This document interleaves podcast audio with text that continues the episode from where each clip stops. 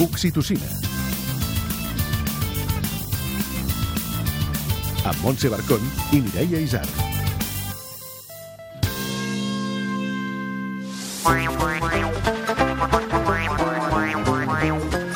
Època d'abundància va bé tornar a l'essència. La Jessica Clemente de rejuega.com ens ajuda amb un manual d'instruccions centrat en la importància del joc lliure i en com combatre els enemics que impedeixen que els nostres nens imaginin i inventin sense límits. I la periodista Cristina Puig ens explica al tu tots tothom com viu la seva maternitat. Tindrem les incondicionals del programa amb idees per tota la família, la Mar Domènech i l'Albernau de Mama Proof i la Laia Falcón del Culturista. Tampoc ens perdrem el conte d'un minut de la Montmas. I amb tot això i alguna cosa més comença l'Oxitocina!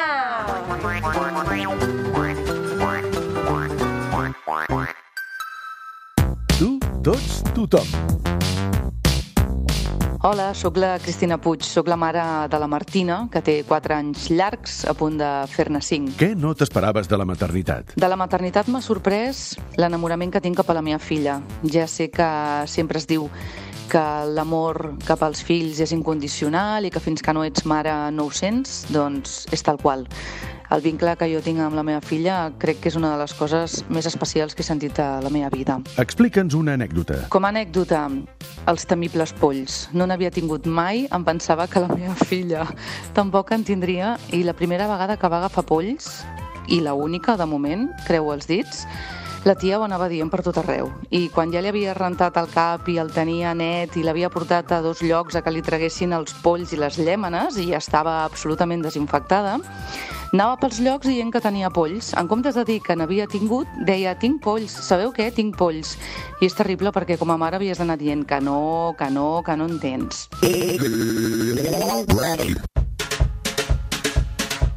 Manual d'instruccions.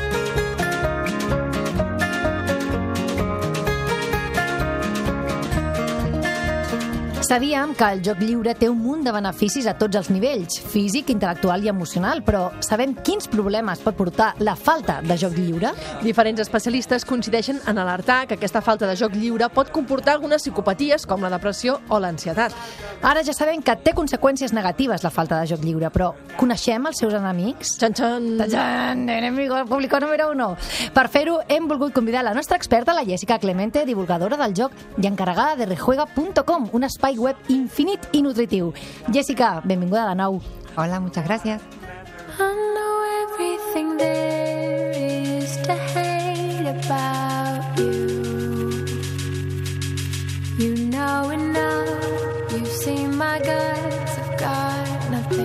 To prove. Jessica, hem de cuidar molt el joc lliure. Sí. Quin és el seu màxim enemic? Mira, yo con el tiempo que llevo observándolo y estudiándolo, he detectado 10 puntos. Wow, son muchos, ¿eh? Son muchos, pero creo que el mayor y el más grande es nuestra mirada, la mirada del adulto. Como adulto en sí, ¿eh? como con ojos de prisa, con ojos de responsabilidades, con ojos de tecnología, De juicio. de juicio, de alabanza. Son cosas que con el tiempo penetran en el niño y hacen que ese juego libre ya no salga de- del interior propio como surge en general el juego libre. Sí, como que els ser. condicionem nosaltres i ells deixen de fer el que espontàniament els hi sortiria, no? Exactamente, sí. Los guiamos, los dirigimos, los cuestionamos, les enseñamos quizás demasiado, que si quizás con un poquito más de tiempo sacan el juego ellos o, mm, no sé, el puzzle que están desarrollando, ¿no? Necesitamos tiempo también. Ese es el, sería el segundo gran punto. vamos a por él, vamos a por él. Tener tiempo, ofrecer tiempo, porque el tiempo existe, son 24 horas para todo el mundo, ¿no? Pero lo que pasa que a ellos se los dirigimos demasiado, se los agendamos mucho y realmente el tiempo que necesitan para jugar eh, no es el que tú llegas inmediatamente del colegio, necesitan un tiempo también para digerir todo lo que han vivido y a partir de digerir ese que han vivido en el colegio o en, la- en el entorno donde hayan estado, es cuando empiezan a sentirse a gusto en el espacio y empiezan a jugar. Porque... Bueno, és que els adults també, si ens hi fixem, quan arribem a treballar, molts cops seiem al sofà un moment, si podem, no? si les obligacions familiars ens ho permeten, però en plan de desconnectar una mica Se i necesita, després claro. potser et poses a fer coses, però... Tal cual. Y si entramos y nos aburrimos, que lo has comentado antes, también es fantástico. El aburrimiento mm, yo creo que es como una ola, ¿no? Estás ahí subiendo, subiendo la ola, súper aburrido, pero llega un momento cuando estás en la cima de la ola que dices, wow, ya tengo la idea. Y es cuando empieza un juego de calidad. Claro, realmente. das el espacio para que lleguen nuevas ideas, ¿no? Claro, si, si le llenas, llenas, llenas, Exacto. ahí no va a salir nada de bueno. Bueno, entra todo lo que tú le sugieres Y llega un momento en que quizás ya mm, tú le estás sugiriendo unas cosas que para su etapa no, no son ni interesantes ni necesarias porque tú eh, es, es una necesidad tuya y no del niño. Y, y claro, empiezan a ver ahí unas, bueno, pues lo hago porque mi, mi mamá me lo propone, mi papá me lo propone y dejamos de jugar como deberíamos.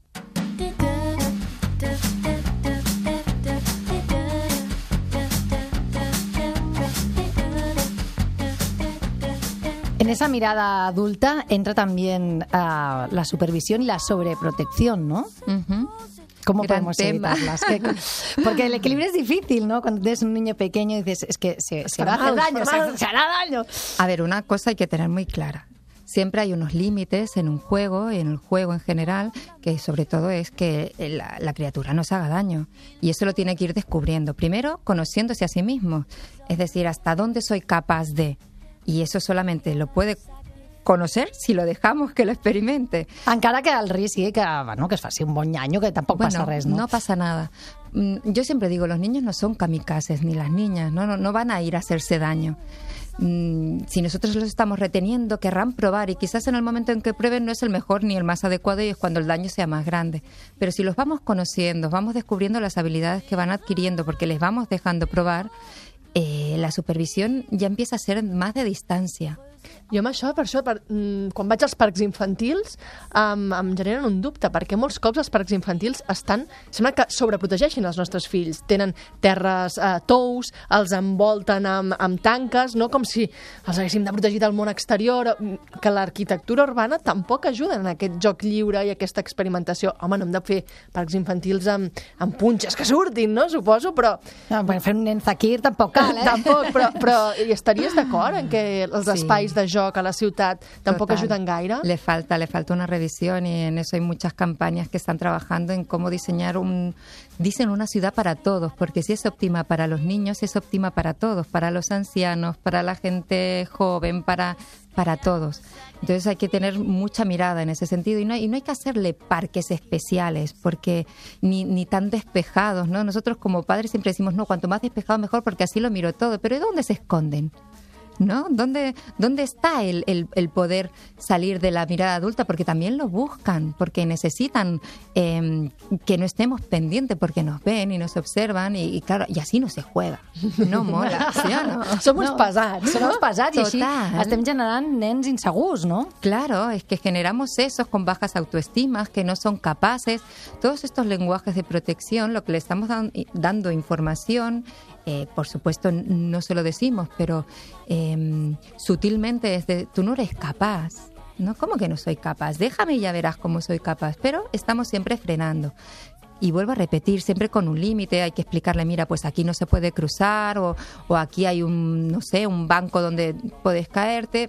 Yo no me tiraría, no sé, fíjate la altura, ¿no? Pero con tranquilidad, confiando en el niño.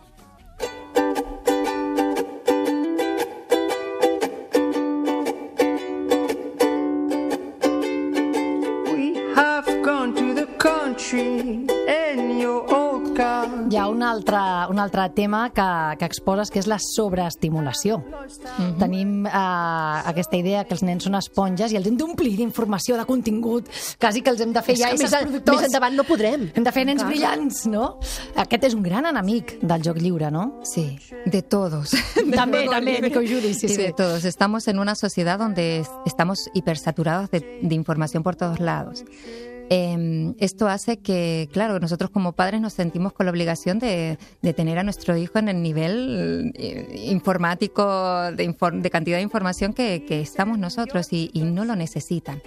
Corremos demasiado y es verdad que hay unas edades en que el niño es una esponja, es, un periodo muy sensible donde, donde captan absolutamente todo y, y la cantidad de cosas que le damos le involucran, le, perdona, le mm, tienen mucha repercusión cuando es adulto. Pero ¿de qué manera se lo embutimos, no? Un poco. ¿Se lo embutimos o se lo vamos proporcionando poco a poco para que vaya digiriéndolo y en el momento oportuno? Porque muchas veces le intentamos dar algo que sí, que está muy bien que se lo demos, pero cuando tienen seis meses, por ejemplo, no es un decir, y, y el niño está en otro momento y no- ni, ni te mirará lo que le estás proponiendo, ¿no?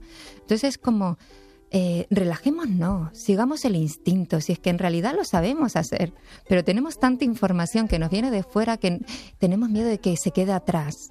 No? I que estem acostumats a que, com deia la Montse, no? a produir, a ser éssers productius i sembla que un nen també ho hagi de ser i no pugui tenir hores de no fer res. Bueno, es que el no ferres, como tú dices, el no hacer nada es muchísimo de lo que él está haciendo, porque decimos que el juego es un divertimento y que no sirve para nada, pero realmente es la manera que tiene el niño de conocer su mundo, a sí mismo, a su entorno. Entonces, eh, dejemos de ofrecerle cosas de afuera y dejémosle jugar, que es realmente donde va a aprender las cosas significativas que necesita para su vida. ¿Y qué, qué digo con significativas? Son aquellas cosas que se le quedan grabadas a, fuego en el interior, que no va a olvidar nunca y que sacará con la experiencia en, en- en su edad adulta. Entonces, piano a piano, despacito, sin correr.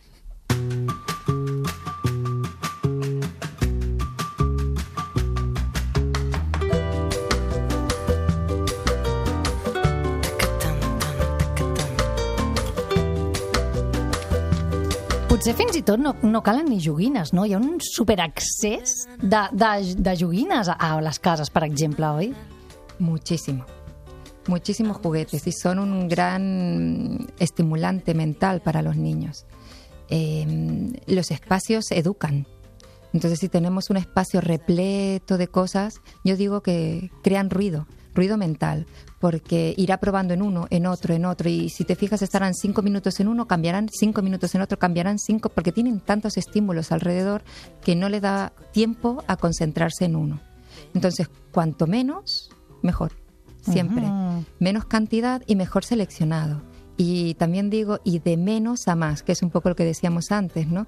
De cosas más tranquilas, cada cosa a su tiempo y a su debido momento, para que lo puedan disfrutar con la habilidad que tengan en ese, en ese instante de juego. I potser fer rotació, no? De, Total. de, que pots Sí. tenir més joguines, però a vegades les canvies. Claro. I un dia treus una i mira, i ens Claro. centrem en aquella, no? Si tú observas a tu hijo, sabes en qué momento está. Dice, bueno, pues ahora, mira, lo que le interesa es estar metiendo cosas dentro. Bueno, pues de las cosas que tú tienes alrededor o inclusive de lo que encuentres en la cocina o por tapes casa. i les pinces, Claro, pues ya está.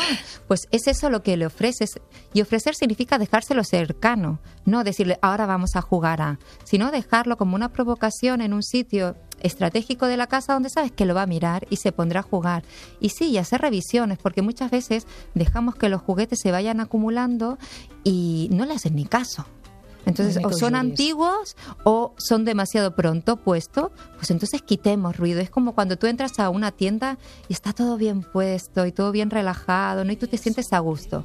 Pues ellos necesitan también un espacio así, para sentirse a gusto y concentrarse. Ara que deies això de deixar-ho allà i que ho descobreixin ells, això vol dir que no podem jugar amb ells? Jo és un dubte que sempre tinc amb el joc Home, jo lliure. de tant en tant em poso el terra i faig batalleta amb els legos, no també, podem no? jugar amb ells, és molt divert... Vull dir, hem estat tot el dia treballant, ells a l'escola, tenim ganes de compartir una estona. Te lo piden? jugar. Que juegues con ellos. Ting, Sí. ting. Pues entonces juega. Vale. Si te apetece jugar, Mamá, vine, vine. Y si te vas a otro cuarto a hacer no sé qué, no, mamá, vine. Sí, sí. pero si te lo piden y tú Vale, tienes si no, ganas no. de jugar, juega. Pero si tú tienes ganas de jugar, porque ¿sabes qué pasa? Que si no tienes ganas te lo pillan. Y jugar, cuando tu mamá ves que está jugando forzosamente o tu papá, es un poco triste. Entonces hay que jugar con ganas de jugar. Ai, quanta, quantes coses, ens en deixem moltes. Uh, jo crec que la recomanació és que us llegiu amb calma, amb aquesta mirada conscient, a aquest post de la Jessica a rejuega.com on trobareu milers i milers i milers d'idees i us ajudarà a posar una mica el focus Sí. en això tan important pel vostre fill, que és el joc lliure. Ujú. Deixar fluir, no?, en el fons. Es que en el fondo es eso, dejarnos fluir y sentirnos, que es cuando mejor jugamos, igual que lo hacen ellos. Que fàcil de dir, que difícil de fer, eh? És Jessica. Gràcies. Gràcies A per venir, guapa. Moltes Adéu. gràcies. I take you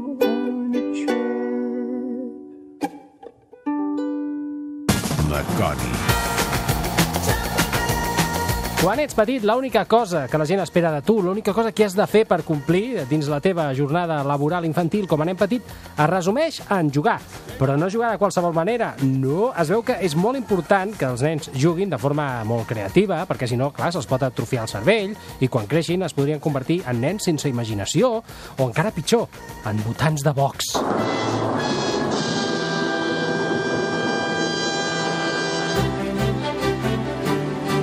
Sí, amics, heu d'animar els vostres fills a que juguin amb la seva imaginació. Prou de joguines electròniques, ninos i nines amb 250.000 accessoris o cuinetes, res. Si volen joguines electròniques, els doneu un llibre d'electrònica avançada per enginyers i que aprenguin a dissenyar la joguina, home.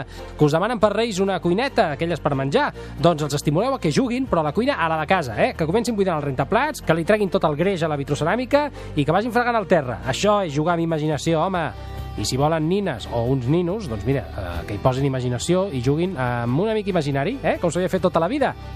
Sí, perquè no es pot acostumar els nens a que els reis els portin tot de joguines cares. Home, és important que valorin les joguines eh, més senzilles i les més barates. I si volen una cara, doncs mira, voto per estimular-los. Com? Doncs eh, ideant un complicadíssim pla per robar de la botiga aquesta joguina, entrant de nit pel conducte de ventilació, esquivant les càmeres i robant la joguina en qüestió. Rebut policia local, anem cap allà. Ja sé que sona delicte, però no em direu que si el vostre fill es presenta a casa amb una joguina que ha robat entrant de matinada i esquivant totes les mesures de seguretat, orgullosos no, però eh que estaria exercint la ment?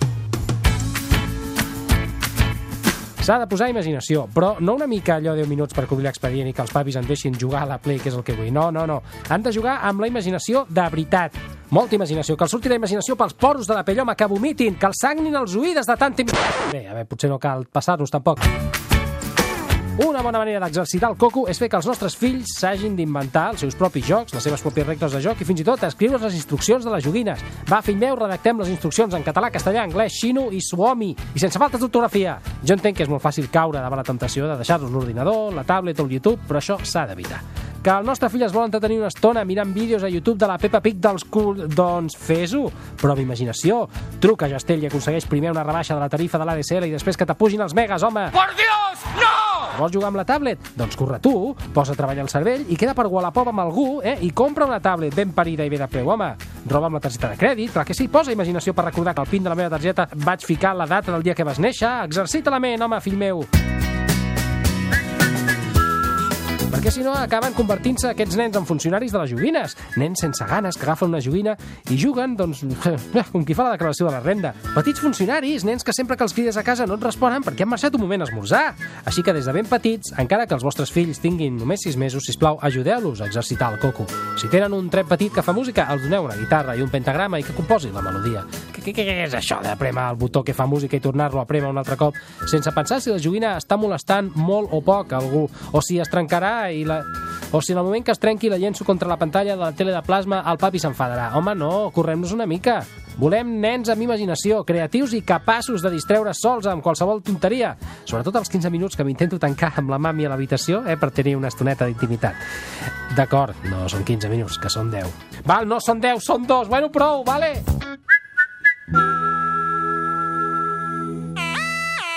Whatsapps desesperats. Són les 5 del matí. Portem dues hores desperts, perquè no té son. Vol jugar. Jo vull plorar. You work it out.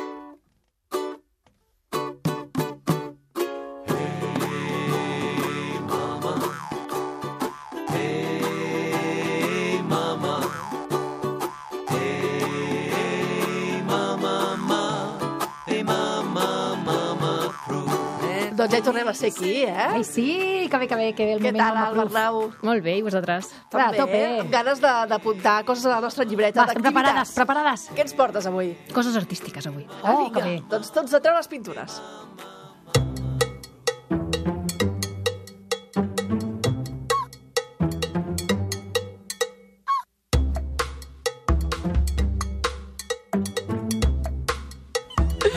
Gent ens hauria de veure en aquest programa. Necessitem una càmera d'aquestes. Les dues fent la mateixa coreografia sense haver-nos-ho parlat.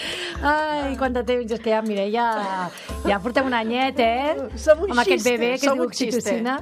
Ai, en fi, uh, el Bernau, què ens volies explicar? Res, mira, us volia explicar que, que he trobat un lloc que m'hauria agradat molt tenir quan jo era petita, Oh. que era així molt de manetes i de fer quatre coses amb, amb quatre colors.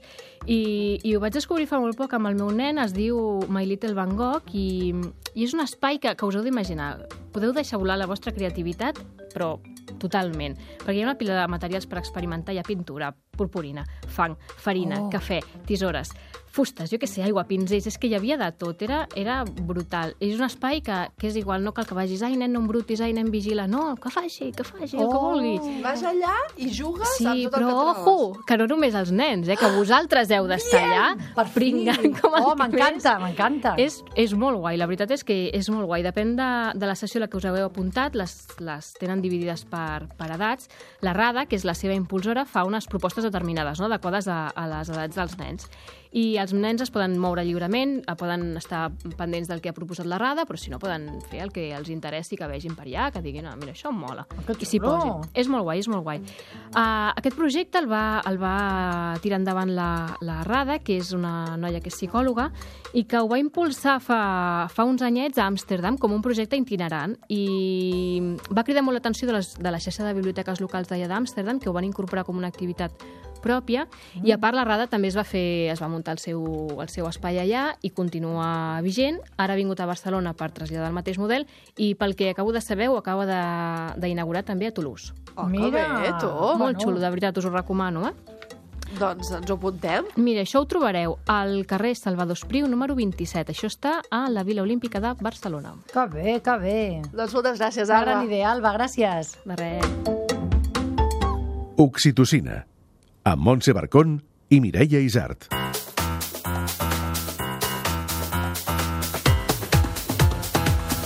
Culturista. Doncs sí, ja tornem a ser aquí. Què tal, Laia, com estàs? Sembla que no passi el temps. No, escolta, sembla que ens haguem vist fa 5 minuts. Eh, Laia, ni que els gravéssim tots seguits, eh? Exacte. Escolta, avui quina proposta cultural ens portes? Avui us porto un, un grup de música que no són d'aquí, són Mhm. de fora, eh, que es diuen Rolipoli Guacamole. Toma!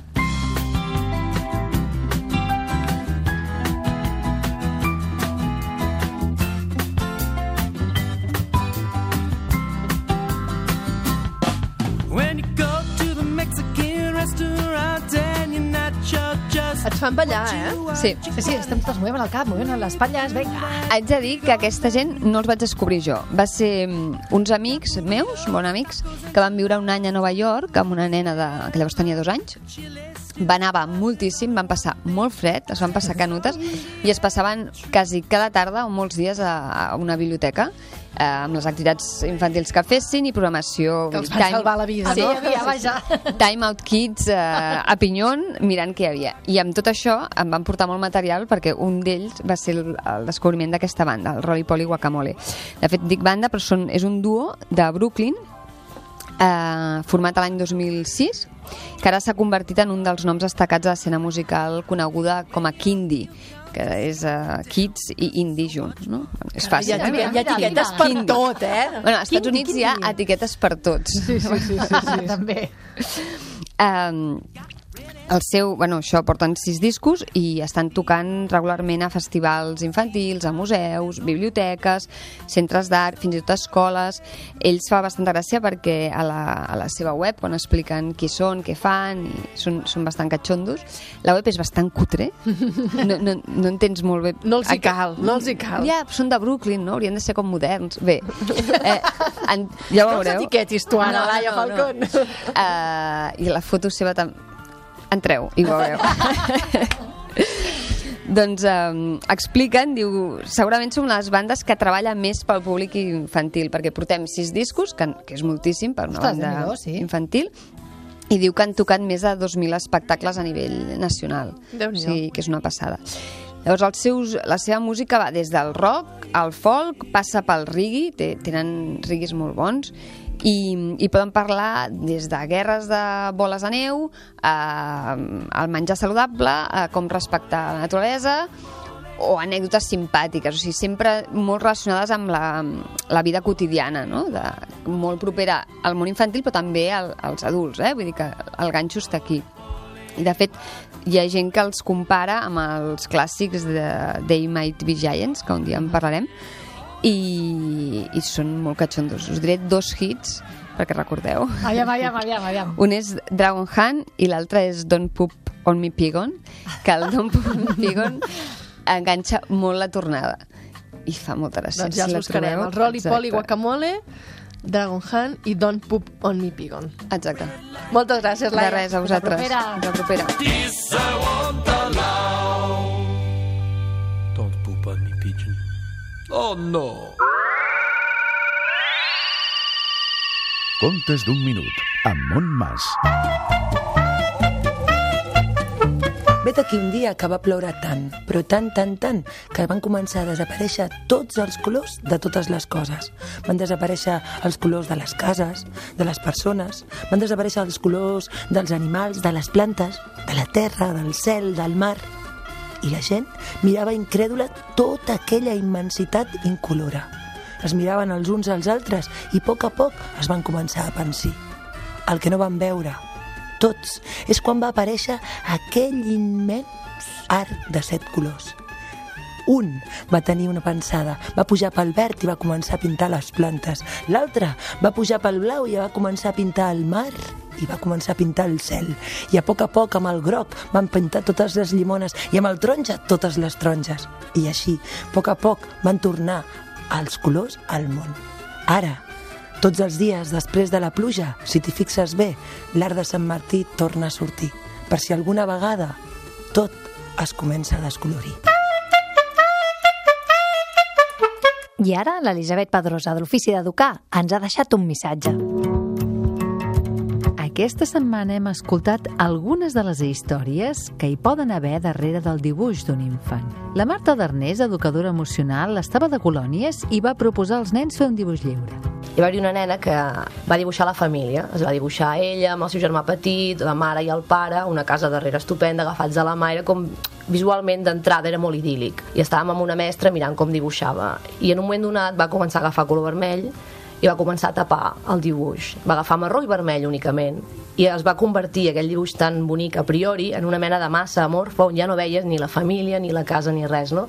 Arran d'aquest dibuix es va descobrir doncs, que els pares s'estaven separant amb una separació no molt ben portada i la, la nena estava patint. I va ser gràcies al, al que ens va cridar l'atenció d'aquell dibuix que, que amb la mestra vam poder parlar i vam poder abordar un tema que potser d'una altra manera no s'hagués descobert tan aviat, no? Potser. Oxitocina.